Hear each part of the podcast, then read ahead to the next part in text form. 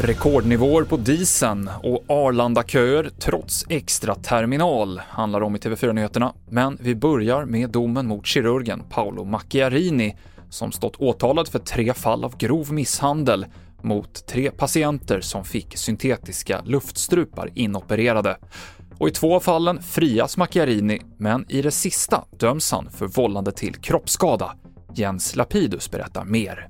Eh, och nu ser vi att han blir friad på två av tre punkter, men han blir fälld då för den sista patienten där tingsrätten anser att då i vart fall måste han ha förstått att det här, de här konstgjorda struparna som man skulle klä med stamceller från patienterna inte fungerade.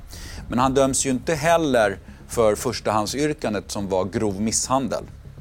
Utan han döms för grovt vållande. Det är alltså inte ett lika starkt uppsåt att skada någon som finns där. Mm. Och Macchiarini får en villkorlig dom och behöver alltså inte avtjäna någon tid i fängelse. Frankrikes president Emmanuel Macron, Tysklands förbundskansler Olaf Scholz och Italiens premiärminister Mario Draghi befinner sig i Kiev i Ukraina, dit de har rest tillsammans från Polen med tåg.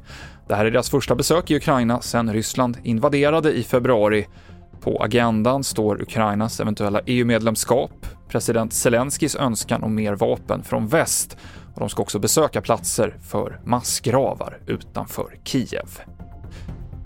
Dieselpriset höjs på nytt. Idag så är det upp 40 öre på bemannade stationer, vilket innebär en höjning med 70 öre på två dagar. Nu kostar en liter diesel 27 kronor och 36 öre och det är det högsta priset någonsin i Sverige. Samtidigt så sänks bensinpriset med 25 öre till 23 kronor och 33 öre. Och trots att även terminal 4 är öppen på Arlanda sedan igår så är det fortsatt långa köer till säkerhetskontrollerna. På morgonen tog det en timme att komma igenom, oavsett om man valde fyran eller femman, men det är inte lika trångt inne på terminalerna. Operatören Swedavia säger också att mer personal är på väg, något som förhoppningsvis minskar kötiden. Du hittar senaste nytt i vår app TV4 Nyheterna.